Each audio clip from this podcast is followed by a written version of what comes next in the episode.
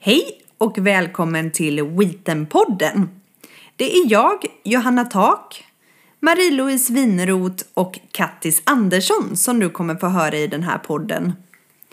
Vi kommer främst att prata om vår ras, Irish Soft-Coated Wheaten Terrier, men också en hel del om hundträning. Jag och Marie-Louise är båda två hundinstruktörer och håller kurser i bland annat nosework och rallylydnad. Vi tycker att det är väldigt roligt att just du har hittat hit. Glöm inte att följa oss i sociala medier. Ni hittar Wheatenpodden på Facebook och Instagram. Vill ni komma i kontakt med oss så går det också bra att mejla oss på wheatenpodden gmail.com.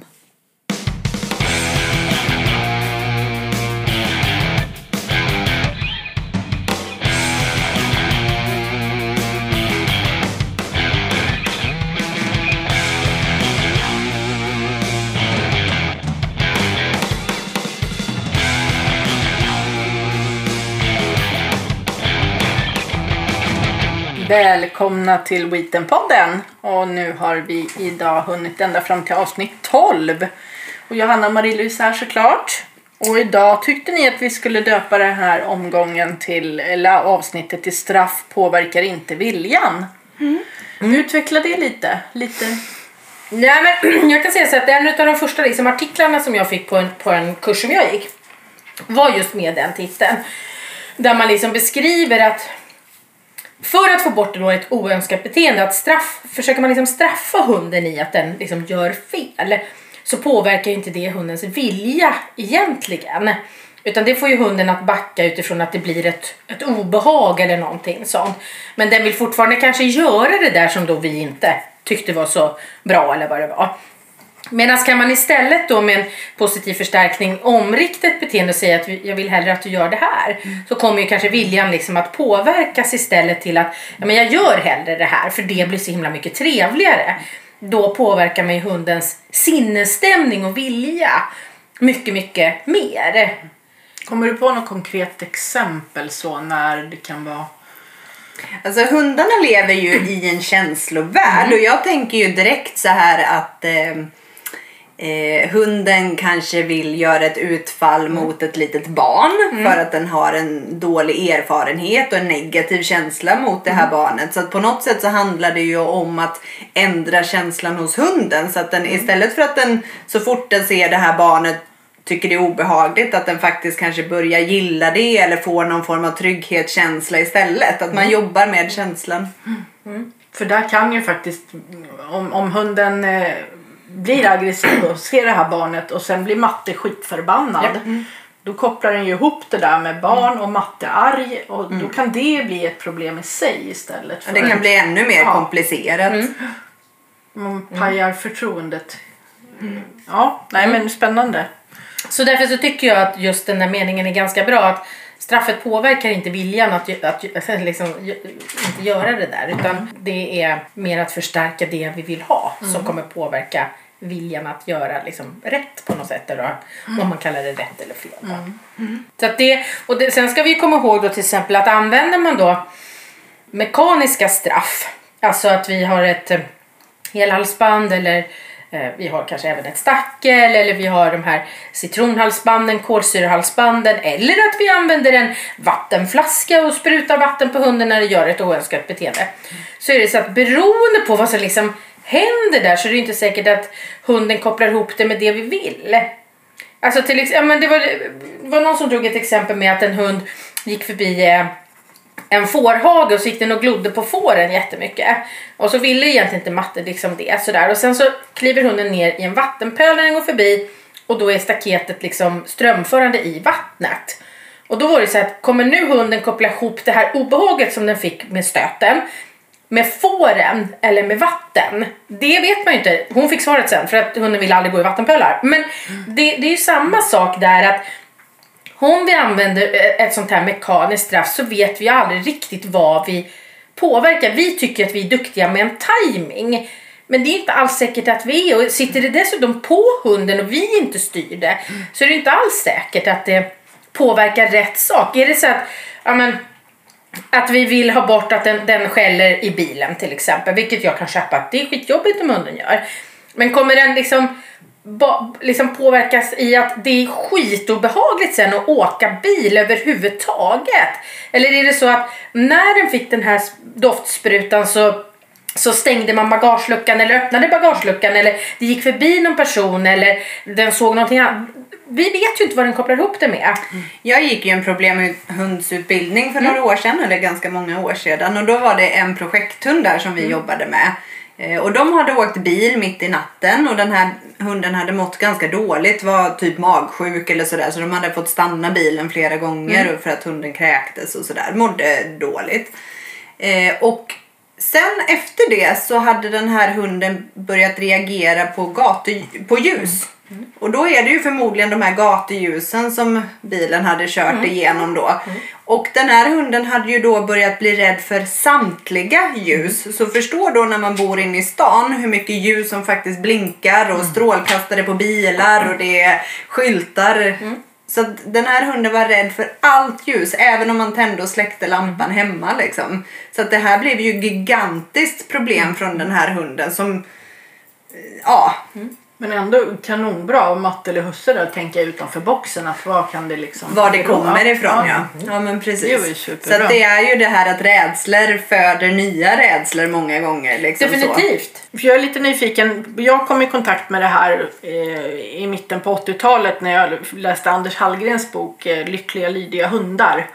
Och den kan jag verkligen tipsa om. Han var väl en bland de första va, som, som eh, började med den här inlärningen med, med positiv belöning och Positiv förstärkning. Ja. förstärkning. Han var ju liksom, alltså han var ju liksom väldigt revolutionerande. För tidigare så har det ju varit så här att inte för att man ska säga att militärer alltid kör med straff och sådana saker men det har ju varit väldigt militäriskt och all hundträning har ju någonstans sprungit väldigt mycket från militären där, därför att hunden har använts inom det militära liksom och det var väldigt mycket liksom man skulle och det ser man ju även i lydnadsprogram framåt marsch och höger om marsch och he alltså det är mycket utifrån det Och så var det väl lite förut också. Man, man trodde ju inte att valpar kände smärta och inte ens bebisar och Nej. liksom sådär. Så att det var ju lite hårdare tider förr. Liksom. Det var det ju absolut liksom. Alltså rent generellt för, med, liksom, med, med allt vad det gäller egentligen. Alltså både djur och människor och vad, vad vi tänkte och tyckte och vad vi kände så. Så att Anders var ju en av de första och, och blev ju, var ju väldigt revolutionerande. Och han är väl egentligen människopsykolog Ja. från början. Och det var ju det som någonstans vände sig emot honom då. då, Att han, ja, men man ansåg liksom att han var ju psykolog och herregud och det var, det var så daltigt och hej och hå.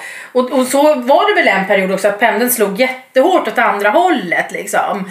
Eh, så. Men det gör den ju liksom nästan alltid att då går man bara in för det och jag säger absolut inte att man ska använda liksom straff på något sätt. Men men det blev väldigt liksom, alltså debatten blev väldigt sådär att du får inte göra det med hunden, du får inte göra det, du får inte göra det. Alltså att, Köttbullemetoden. ja, och den, jag tycker inte att den är att förakta men, men det blev liksom ett skällsord många gånger. Eh, om, om man liksom, ja, förespråkade liksom att, ja vadå, hunden klarar och den, den klarar visst det här och man kan visst rycka och sådär. Och, så att han förespråkade sel och han för, liksom mycket sånt där som liksom blev, som man bara sådär, bara äsch.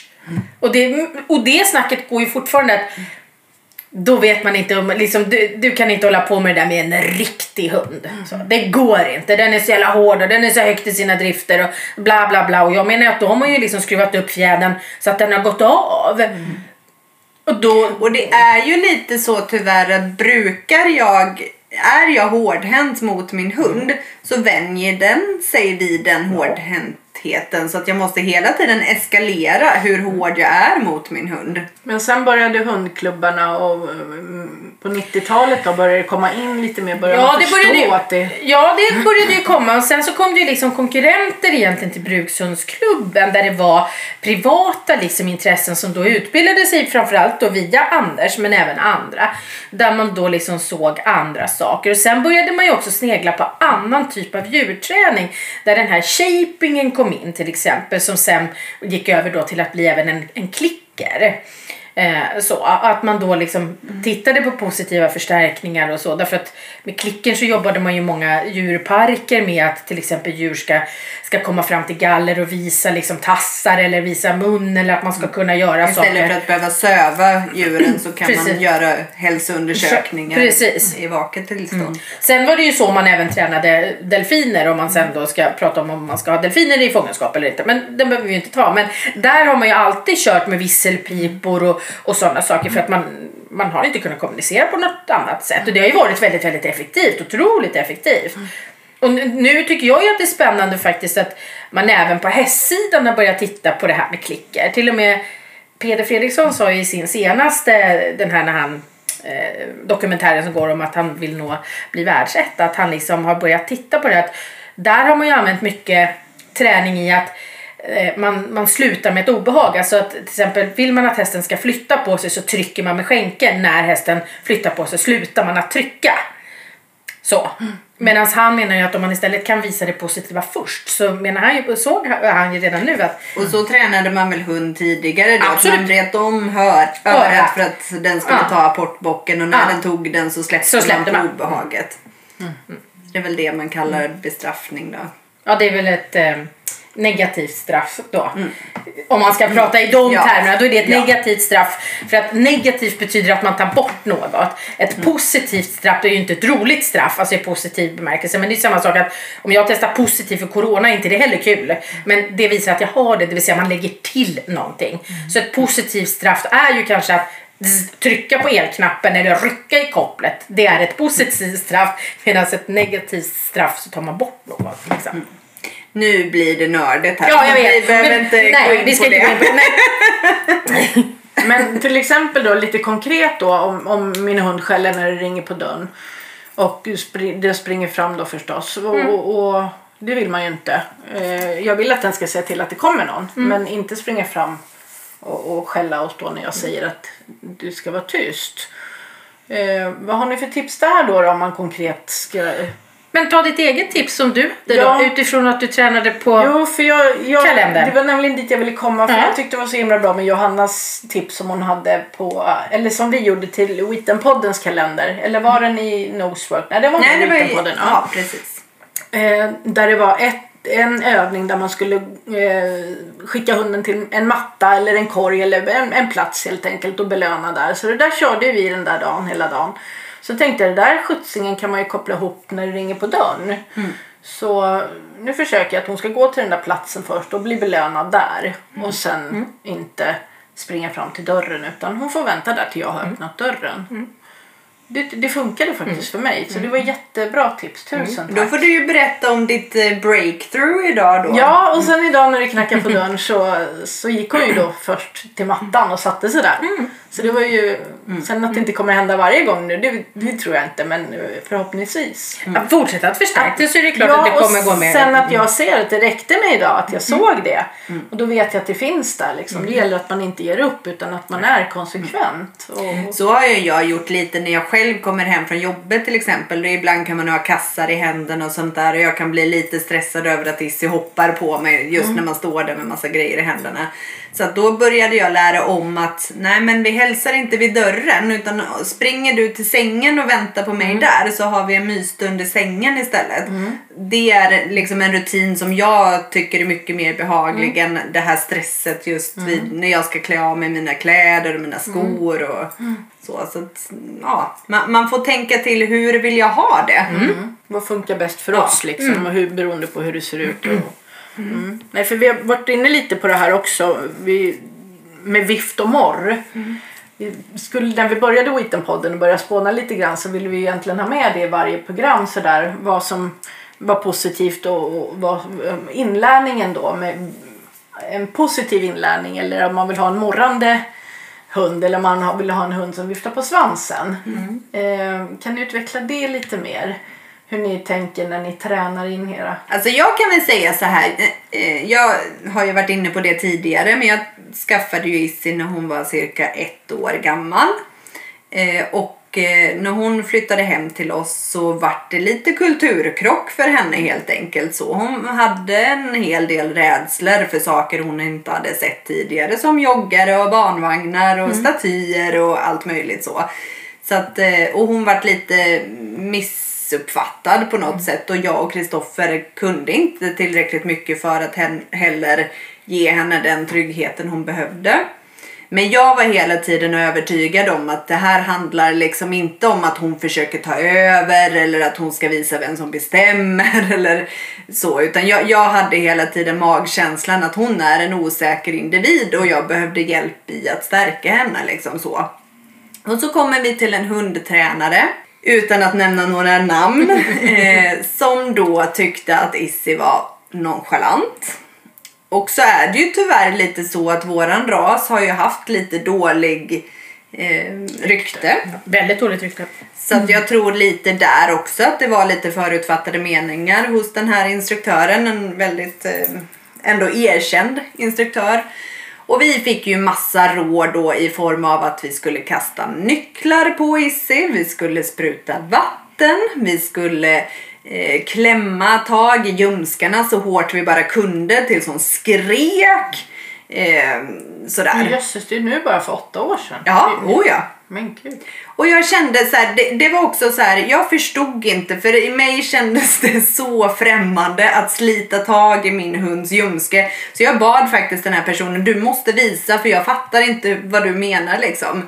Varpå Issi då såklart blir jätteförvånad att helt plötsligt sliter någon henne i ljumsken. Så hon gör ju ett omriktat beteende och faktiskt biter den här personen i handen liksom. Det var ju skönt. Eh, så. Skulle jag också gjort. Och då kände jag att nej, det måste finnas något annat sätt. Jag kan inte utsätta min hund för det här. Jag har längtat i hela mitt liv efter att skaffa en hund. Då vill inte jag behandla henne på det här sättet. Så att därav är jag där jag är idag. Jag började läsa på och läste böcker och gick hur mycket kurser som helst och kände att nej, det måste finnas andra sätt. Och det där var väl klockrent att du fick en viftande hund istället för en morrande hund Ja. efter åtta år. Ja, Nej men visst är det så. Men, men det är ju så att alltså, sen, sen tycker jag att hela tiden så förändras man ju. Jag menar jag tränar inte hund riktigt på samma sätt som jag gjorde för, liksom när jag skaffade min första hund 98 och nu.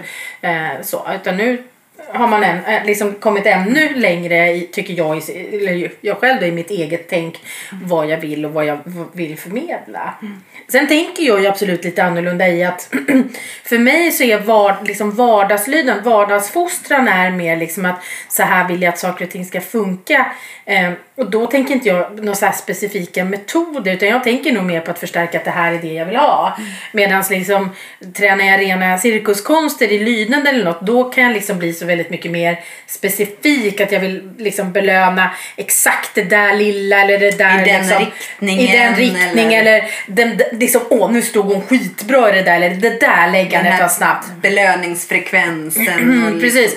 Då tänker jag mycket, mycket mer på det. Medan liksom i, i vardagen när vi går, så, eller går, men är, då tänker jag mer ja men det där var bra, tack liksom. Det där, det där gillar jag att du gjorde och då belönar jag det då med, gärna med min röst och bra vad duktig du är och en, en god bit ibland också. Medan tränar jag liksom rena cirkuskonster så är frekvensen av godis klart mycket större. Så. Men det är väl där jag tänker att det skiljer sig lite för vi är så duktiga på att säga vad vi inte vill att hunden ska göra och nej gör inte det där och sluta upp med det där och liksom så. Men vi är inte lika duktiga på att berätta för hunden vad vi Nej. vill att den ska göra istället. Och det är väl där man kanske behöver sätta på sig sina så här belöningsglasögon och faktiskt så här, ja nu var min hund skitduktig. Hon såg den där hunden och gav mig ögonkontakt. Självklart ska jag förstärka när hon gjorde rätt liksom så.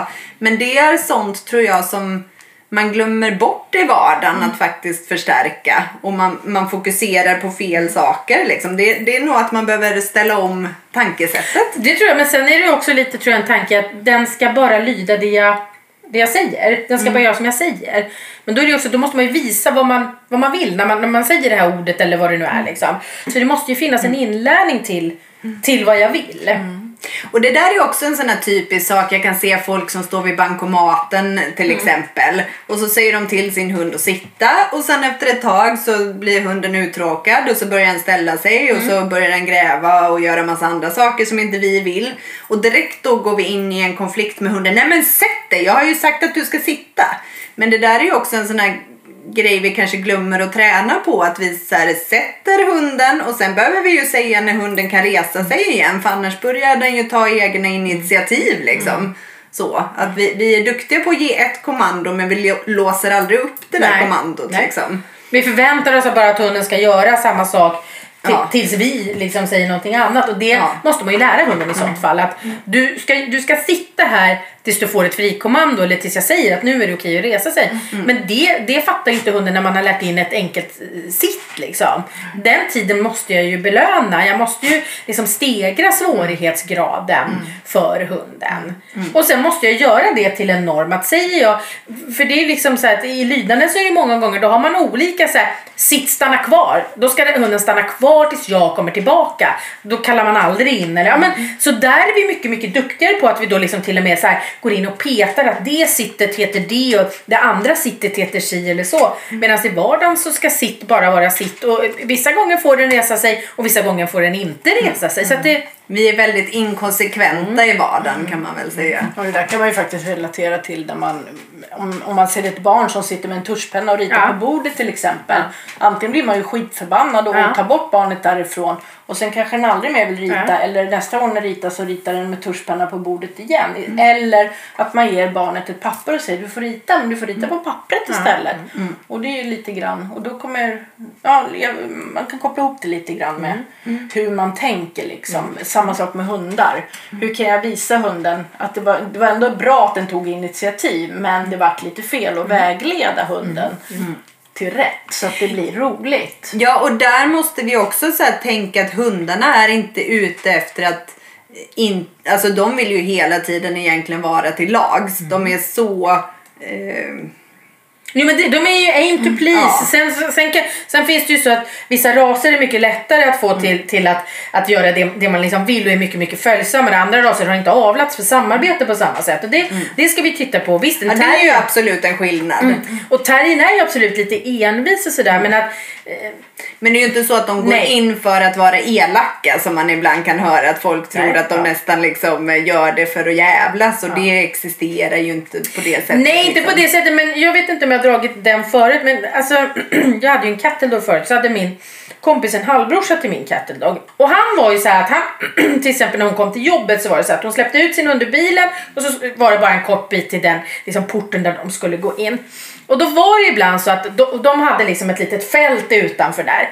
Eh, och då var det liksom så här flera gånger när hunden liksom så stannade och tittade ut på fältet och bara där skulle jag vilja springa liksom.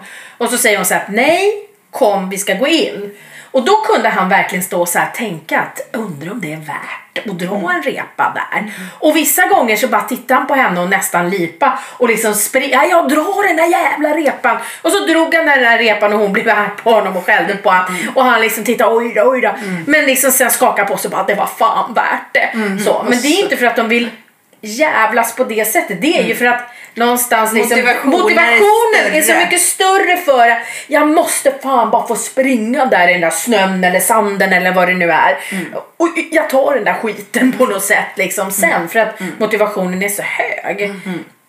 Jo men det är ju samma sak ifall Lizzie skulle se en katt liksom. Hon Ja. skulle ju välja att jaga den alla dagar i veckan. Jag skulle kunna ha ett smörgåsbord med leverpastej Mm. och hon skulle skita i det liksom. Så att, Jo, men, och det är ju det det handlar om. Att Ja. hur, hur hög är motivationen? Hur, alltså viljan. Hur stark är viljan?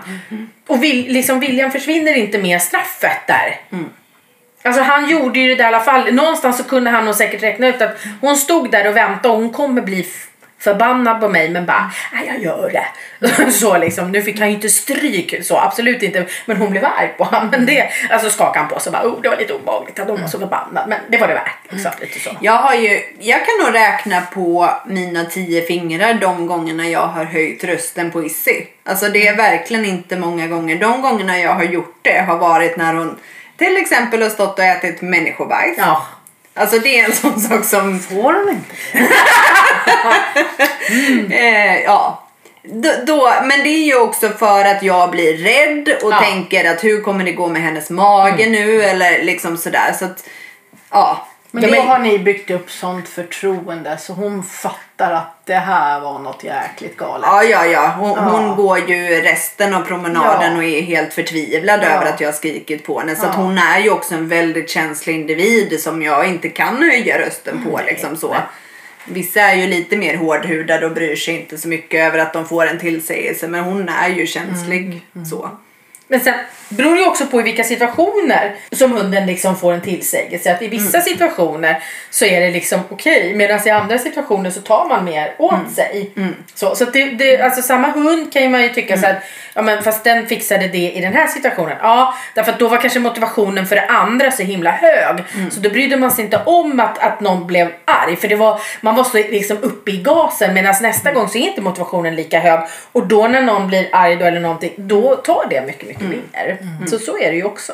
Ja och där har ju jag, ja, våran strategi har ju blivit då i och med att Issi har haft så mycket liksom rädslor och utfallsproblematik och sådana saker. Jag har ju fått lära mig vad är det hon vad är en trigger för Issi? Och hur kan jag då förekomma den triggern så att jag kan ge henne det stödet hon istället behöver. Att inte hon behöver ta hand om situationen. Liksom så. Nej men så, så är det ju.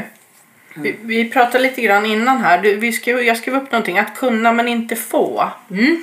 Alltså om en hund har eh, vi kan ta till exempel så att om en hund är skadad och så eh, har den ett sår som den inte får slicka på.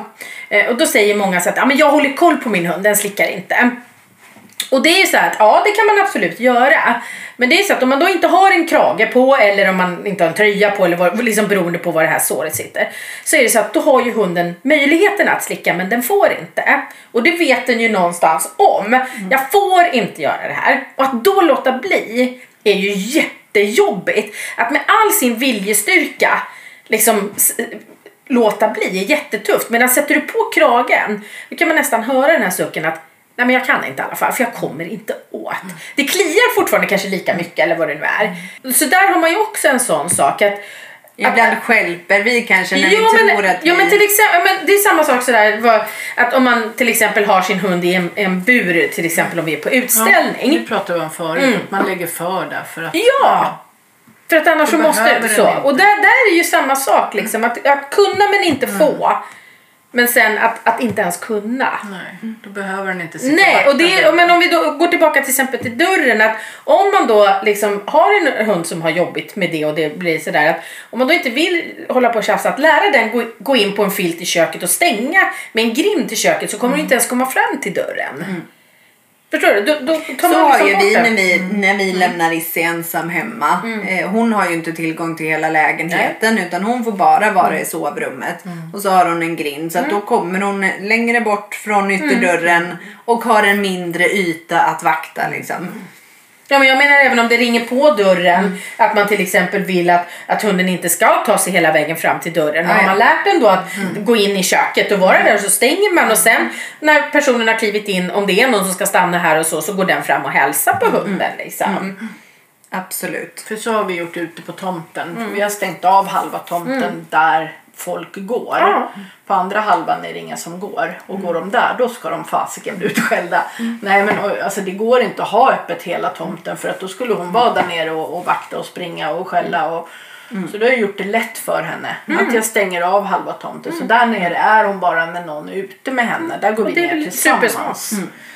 Ja, men då kommer man ju, ja, men då jättebra. kommer man ju undan det här att ni ska hamna i konflikt hela tiden. Och någonstans har hon säkert hunnit självbelöna sig ganska länge där genom att jedra Hon runt och blir gaffla. jättestressad. i- Hon, Jo men hon blir Ja. det, men det blir ju en självbelöning Ja. också i det. Men alltså, om hon inte ens kan gå ner där, då kan hon släppa det liksom. Precis. Och där önskar man ju många gånger man är ute på promenad när det kommer hundar som springer och vallar fr- framför staketet att man skulle ju gärna vilja knacka på och säga ni har ju så stor tomt på baksidan varför spärrar ni inte av och låter hunden vara där borta och inte kommer fram till staketet? Och det går barn där och en del retar med pinnar för att jäklas då för de vet att hunden inte kommer ut. Och det blir bara ännu värre. Det blir... Så snälla ni som har hundar som, som springer sådär, försök att göra en mindre tomt så att de inte Hjälp kommer... era ja, hundar. precis. Och sen kan jag ju tycka rent så generellt att har man en hund som gör det där, låt den inte vara ensam ute heller. Det blir ett jätteansvar hunden har. Om man liksom låter den vara ensam ute och så stänger man dörren. Och bara, nu får du ta hand om det här. Det är ju skitmånga hundar som, som då liksom blir enormt stressade av att shit, nu är det jag här. Nu hänger alltihopa på mig. Så man lägger över ett jätte, jättestort ansvar på hunden. Och visst, har du en ovcharka, ja, inga problem för det är den avlad för. Så den kan gå där liksom. så, men Nej, man får tänka på att man får hjälpa dem så mycket som... Är det någonting vi har missat som ni har... För att jag eh, känner att eh, det här med belöning och straff tycker jag vi har förklarat rätt tydligt idag. Vad vi vill och vad vi tycker. Och vad vi önskar. Av våra... Så... Och känner någon att de vill ha mer specifikt så är det ju bara att mejla oss egentligen. Mhm, absolut. Eller skriva på vår Facebookgrupp så att säga, Wittenpodden-gruppen så kan man skriva där ju, också. då ser ju flera det och ser, så Ja. ser flera svaren också om de är nyfikna. Så hjärtligt välkomna att skriva där. Så tackar vi så mycket för idag. Ja. Tack! Ha det så bra. Tack alla lyssnare. Hej. Hej då.